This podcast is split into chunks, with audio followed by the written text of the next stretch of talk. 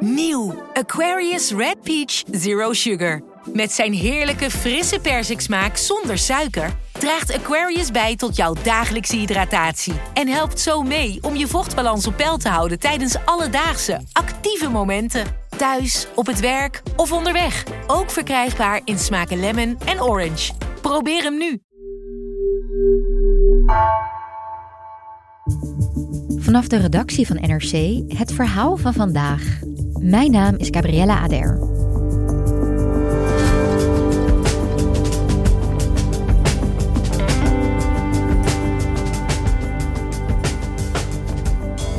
Toen op 1 juli 1863 de slavernij werd afgeschaft, kregen niet de tot slaaf gemaakte geld, maar de slavenhouders.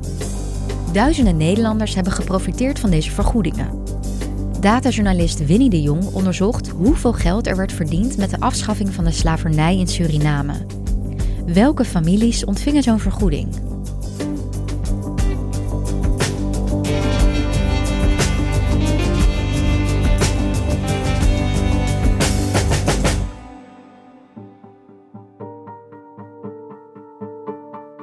Hendrik, man, 49, bij huis, met één been. Jansje, vrouw, 57, te veld. Josephine, 36, van weinig dienst met lamme voet. Première, vrouw, 11, bij de fabriek. Fortuin, man, 52, kok. Julius, man, 8, in de tuin. Benjamin, 1, spelend. Bienvenue, man, 3 maanden. Zuigeling. Dit zijn uh, allemaal namen van tot slaafgemaakten. Die werkten op suikerplantage Johan en Margaretha in 1862. Uh, dat is vlak voor de afschaffing van de slavernij. Uh, morgen is het 1 juli. Dan is het 150 jaar geleden dat in 1863 de slavernij werd afgeschaft. daarmee begint ook een jaar van herdenken van het slavernijverleden. Een verleden waar Mark Rutte in december zijn excuses voor aanbood. Eeuwenlang is onder Nederlands staatsgezag de menselijke waardigheid met voeten getreden op de meest afschuwelijke manier. En te weinig hebben opeenvolgende Nederlandse regeringen na 1863 gezien en erkend dat het slavernijverleden een negatieve doorwerking had en heeft. Daarvoor bied ik namens de Nederlandse regering excuses aan. Today I apologize. Awe mi trapidi disculpa. Tide miwani taki pardon. Ja, zelf heb ik Surinaamse roots. Uh, dus ik beweeg in verschillende bubbels. En mijn Surinaamse familie ging het gesprek over herstelbetalingen en dat excuses niet genoeg zijn en over de doorwerking van slavernij. Tegelijkertijd als journalist is mijn reflex bij, bij nieuws toch ook om online te kijken wat, wat mensen die misschien of andere meningen hebben dan ik in mijn omgeving vind, wat die vinden. En daar hoorde je ook het geluid over dat het lang geleden zou zijn. Of dat excuses overdreven. Dus voor, je biedt excuses aan voor iets wat een andere generatie heeft gedaan. En ik dacht, dit wordt een heel gepolariseerd debat. Uh, en als dataredacteur ben ik altijd op zoek naar hoe kan je iets toevoegen aan zo'n, aan zo'n, uh, aan zo'n gesprek. Feitelijk ook meer. Ja, en is er iets te tellen? Hoe zit het echt? En kun je iets meten? En bij de afschaffing van de slavernij kregen niet de voormalig tot slaafgemaakte een vergoeding, uh, maar werden juist de slaven-eigenaren gecompenseerd voor het verlies van die gratis arbeid. En daarvoor moesten eigenaren uh, een formulier indienen, een borderel van aangifte heet zo'n formulier. En de namen die ik net voorlas, komen ook uit zo'n, zo'n claim eigenlijk van een tegemoetkoming of compensatie van, van slaveneigenaren. De Nederlandse staat heeft dit uitbetalen en compenseren van slaven-eigenaren helemaal gefaciliteerd. En Carola Houtenkamer en ikzelf zijn op zoek gegaan naar bronnen die deze informatie voor ons gedigitaliseerd hadden. Zijn de archieven ingedoken voor meer informatie en onderzoek. En morgen publiceren we het resultaat daarvan. Waaronder een database waarin je dus ook jouw eigen familienaam kunt opzoeken. Dan kun je zien of mensen met dezelfde achternaam in 1862, 63 tot slaafgemaakte bezaten. Ja, zeggen we eigenlijk uh, slaaf of slaafgemaakte? Wat is dat verschil? In 2023 vinden we het niet meer normaal dat de ene mens de andere mens bezit. Ik zou zeggen dat het nu de meeste mensen in het vakgebied hebben het over tot slaafgemaakten. In het Engels is dat iets mooier misschien voor de taalmensen, want dan zeg je enslaved. Uh, maar het laat zien dat het geen optie of geen keu vrije keuze was van de tot slaaf gemaakten. Je wordt door een ander tot slaaf gemaakt. En die dwang klinkt toch iets minder door in het woord slaaf. Ik ga mijn best doen om tot slaafgemaakten te gebruiken, maar ik kom ook uit een tunnel van onderzoek. Uh, waar ik samen met Carola Houtenkamer alleen maar naar heel oude documenten heb gekeken. En we merken allebei wel dat ja, het effect is toch ook dat je de taal gaat gebruiken en overnemen uh, uit de documenten waar je ja, eigenlijk weken, maanden in hebt gewoond. Winnie, je noemde al zo'n uh, borderel, hè? maar wat is dat nou precies? Hoe werkt dat? Nou, ik kijk hier nu naar een borderel van aangifte. En dat is een document waarmee slaven-eigenaren hun bezittingen claimen. En met bezittingen bedoel ik dus ook de mensen die zij tot slaaf maakten. In 1863 is de slavernij afgeschaft. Dat gebeurde middels de Emancipatiewet. Uh, en in die wet was ook een proces vastgelegd hoe slaven-eigenaren gecompenseerd dienen te worden voor het verlies van die gratis arbeid die verzet werd door al die tot slaafgemaakten. Zo staat in de wet dat slaven-eigenaren een borderel van aangifte in duplo moeten indienen en wel binnen 30 dagen na publicatie van de wet bij het gouvernementssecretariaat in Paramaribo. Dan in het voorjaar van 1863 gaan er allerlei verificatiecommissies op pad om te controleren of die claims kloppen. De, de slaven, zoals ze genoemd worden op het borderel, zijn die ook op de plantage. En daarna dienen de slaven-eigenaren een eigendomspapieren in. Uh, dan is er dus een eigendomscommissie die die aangeleverde papieren, die uit Nederland of Suriname konden komen, uh, checkt. Is deze, van wie is deze plantage precies? En als alles klopt, dan ontvangen de slaveneigenaren in het najaar van 1863 al hun compensatie voor het verlies van de slavenarbeid. En jullie zijn uh, op zoek gegaan naar die borderellen, maar hoe start je zo'n onderzoek? De originele stukken uh, worden bewaard in het Nationaal Archief. Het archief heeft daar inmiddels ook scans van gemaakt, dus nu kun je ze online bekijken. Uh, maar dat was heel lang niet zo. En je moet je voorstellen, dit zijn lange formulieren uh, in schoonschrift uit die tijd. Dat is niet uh, eenvoudig om te, om te lezen of ontcijferen. In ieder geval niet voor mij. Um, maar er zijn historici die deze documenten hebben gedigitaliseerd. Met name Okke ten Hove heeft zich hiervoor ingezet.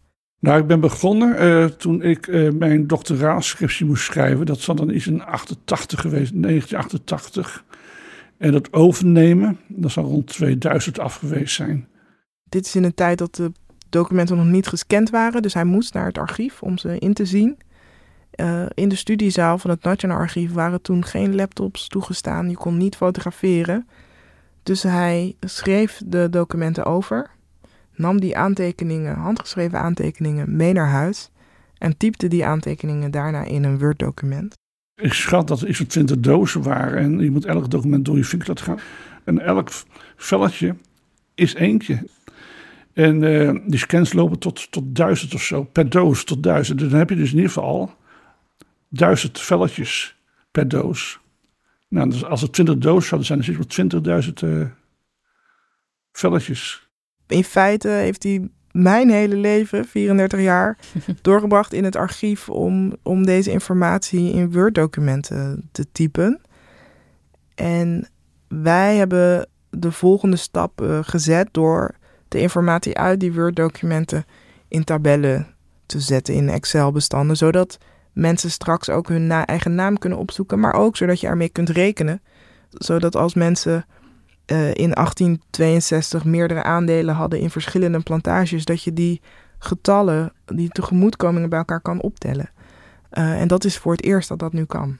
Nou, ik ben op dat punt onhandig. Uh, dus het was met mij verloren gegaan. Dus het is heel mooi dat het op die manier ook binnengehaald is. Ja, ik ben nu 68 en nu komt de NSC opdagen. Dus kan je wel zeggen dat het een soort levenswerk is, ja. En jij las net voor uit een borderel. Uh, wat voor informatie staat daar nog meer op? Ik heb het borderel meegenomen van plantage Johan en Margreta. Die plantage is eigendom van twee zussen, twee baronessen. Dus zij uh, staan erop. Zo'n borderel is dus bedoeld om een claim te doen. Um, slaveneigenaren konden zo hun bezit claimen. Dus het gaat er vooral om ja, wie in dit geval bezit je. Dus je ziet een lijst van, van de mensen. Namen, zijn het mannen, vrouwen, hoe oud zijn ze, welke functie hebben ze. Uh, allemaal tot slaafgemaakten die behoorden. En nu, in 2023, is dit heftig, maar dit is hoe het, hoe het ging. Die mensen die toebehoorden tot de boedel van de plantage. Dus die, die bezit waren. Ja, letterlijk de inboedel gewoon. Ja, er staan ook kinderen en peuters eh, op de, op de lijst. Uh, die vanaf, uh, ja, vanaf je een derde werkten ze in de tuin en vanaf een tiende op de plantage. En hoeveel geld kregen de eigenaren voor deze mensen? Dus ook echt inclusief die peuters en die kleuters? In Suriname kreeg je 300 gulden per hoofd. Er zijn wat uitzonderingen, dat zie je ook op het borderel.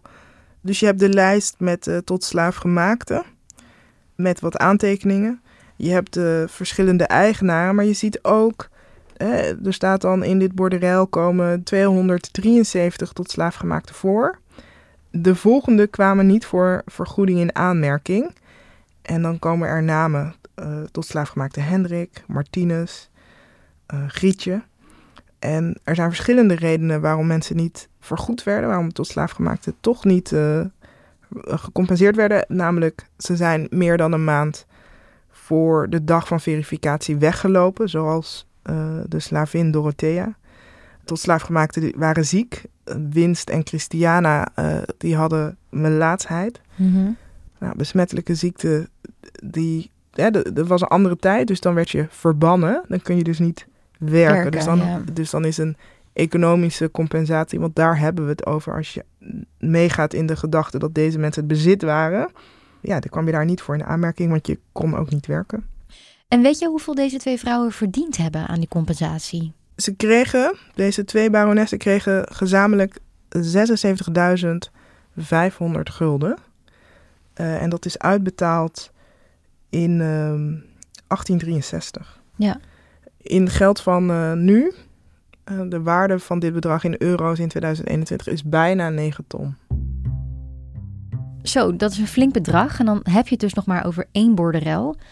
Er zijn er dus duizenden, hoorden we net. Wat hebben jullie met al die data gedaan? We hebben voor alle uh, documenten die we hebben gekeken welke eigenaren worden daarin genoemd. Wat was het aandeel dat zij hadden in een plantage? Of als ze op eigen titel uh, tot slaafgemaakte bezaten, welke tegemoetkoming hebben ze daarvoor gekregen? En dan krijg je, krijg je een tabel met daarin per eigenaar, per plantage een aandeel. En kun je dus uitrekenen als jij 1 vijfde uh, bezit van een ton tegemoetkoming, dan gaat er 20.000 gulden naar jou. En vervolgens ontdek je dan dat er mensen waren met uh, een aandeel in meerdere plantages. En omdat je je tabel per eigenaar hebt ingericht, kun je die dan sommen. Uh, dus zo door de data te structureren en toegankelijk te maken en zorgen dat je het kunt ordenen en optellen. Het rekenwerk is niet zo extreem ingewikkeld, maar vooral de gegevens in dat formaat krijgen dat je zo'n som, zo'n optelsom kunt maken.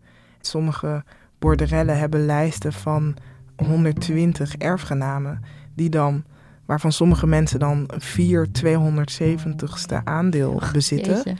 Uh, maar als zij uh, meerdere aandelen bezitten in meerdere plantages, maakt dat net een verschil tussen eindig je in de top 10, in de top 10 of niet. Ja. Um, dus, je kunt, dus het meeste werk zat in het verwerken van de informatie uit, uit de borderellen. Hoe, hoe zit de eigendomsstructuur precies? Hoe groot is het aandeel dat iemand bezat en welke waarde hoort daarbij? Kan je wat meer vertellen over die eigenaren? Wie waren dat?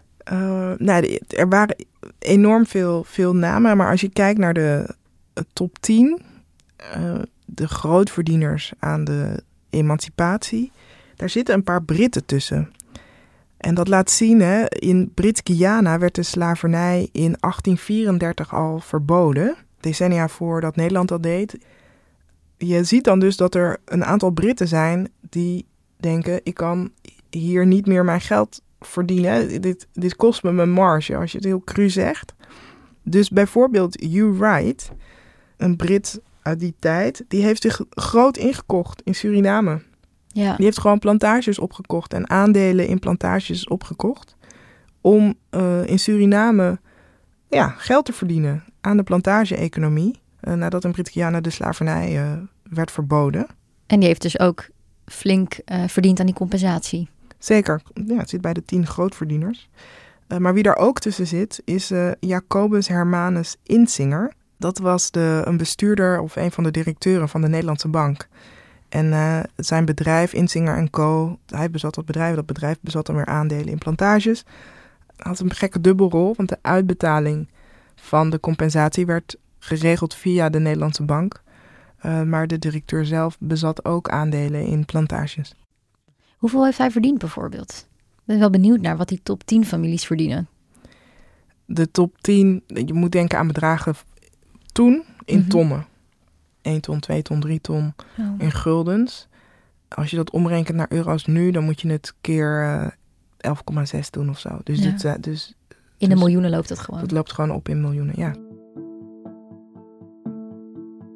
En kijk, los van deze uh, bedragen die dus oplopen tot in de miljoenen, wat is jou verder bijgebleven uit het onderzoek? De geschiedenis is zo heel lelijk. Um, pijnlijk, maar ook eindeloos complex. Dus je ziet slaven-eigenaren die kinderen krijgen met slaven, die ze dan, dan wel vrij kopen, dan wel met de emancipatie opnemen in hun testament. Mm-hmm. Dus dan krijgt een voormalig tot slaaf gemaakte krijgt een aandeel in een plantage in handen. En het is echt een, ja, ik wou het in het Engels zeggen mindfuck, maar goed. Ja, dat, maar zo, de geschiedenis is, als je verdiept in het slavernijverleden, het is, het is erger, het is, het is zo verschrikkelijk. Uh, maar het is, het is ook complex. Ik denk dat veel Surinamers zowel nazaat zijn van tot slaafgemaakte als van uh, slavenhouders. En de geschiedenis is zo heel lelijk, maar dat maakt het ook complex en genuanceerd. En ik denk dat het makkelijk is om daar aan voorbij te gaan, maar dat doet zou de geschiedenis geen recht doen. Dat heeft misschien nog wel de meeste indruk gemaakt. Zeker ook omdat ik uh, mijn eigen voorouders uh, tegenkwam in, in deze dataset. Zowel als slaven-eigenaar als tot slaafgemaakte. En dat is allebei waar. Hoe werkte dat dan? Hoe zag je dat? Tussen al deze uh, door Okketenhoven gedigitaliseerde borderellen zit ook een borderel waarin ene Henry Lauzada een tegemoetkoming claimt voor het bezit van zes tot slaafgemaakte, drie mannen, drie vrouwen. Ik weet uit ander archiefonderzoek dat deze Henry Lauzada uh, hiervoor een aantal slaven heeft vrijgekocht. En het is niet onwaarschijnlijk dat dat zijn kinderen nazaten zijn. Ja. zijn. En waarom denk ik dat? Vaak gaven slaven-eigenaren een deel van hun achternaam aan de familieleden die ze vrijkochten. Dus stel je bent Henry Lauzade, je, je begint een gezin met een slavin. Die wil je, je wil jouw kinderen vrijkopen. Uh, en een tot slaafgemaakte heeft geen achternaam. Uh, en bij emancipatie of vrijkopen kregen zij wel een achternaam. Oké. Dus deze mensen hadden een achternaam nodig. En uh, Henry Lauzada heeft Jansje Laus vrijgekocht. Jantje Laus, En dan zie je dat haar achternaam een verbastering is van zijn achternaam. En dat zie je vaker, dat slaveneigenaren een stukje van hun achternaam geven aan de tot slaafgemaakten die ze vrijkopen. Of de eh, kinderen die zij hebben met eh, tot slaafgemaakten. En nou ja, zodoende weet ik, denk ik te weten, dat mijn familiegeschiedenis zowel slaven-eigenaren omvat als tot slaafgemaakten. En dat laat maar zien hoe complex en genuanceerd de geschiedenis is. Dankjewel, Winnie. Graag gedaan.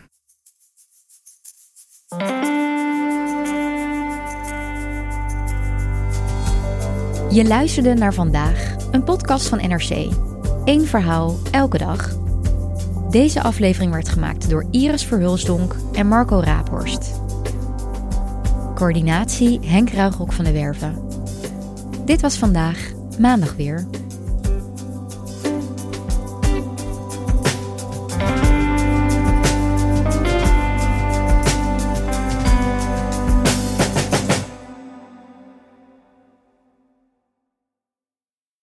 Een maatschappij waarin iedereen meedoet. Een gezonde, groene en rechtvaardige wereld. Daar willen jij en heel veel andere mensen best iets aan bijdragen.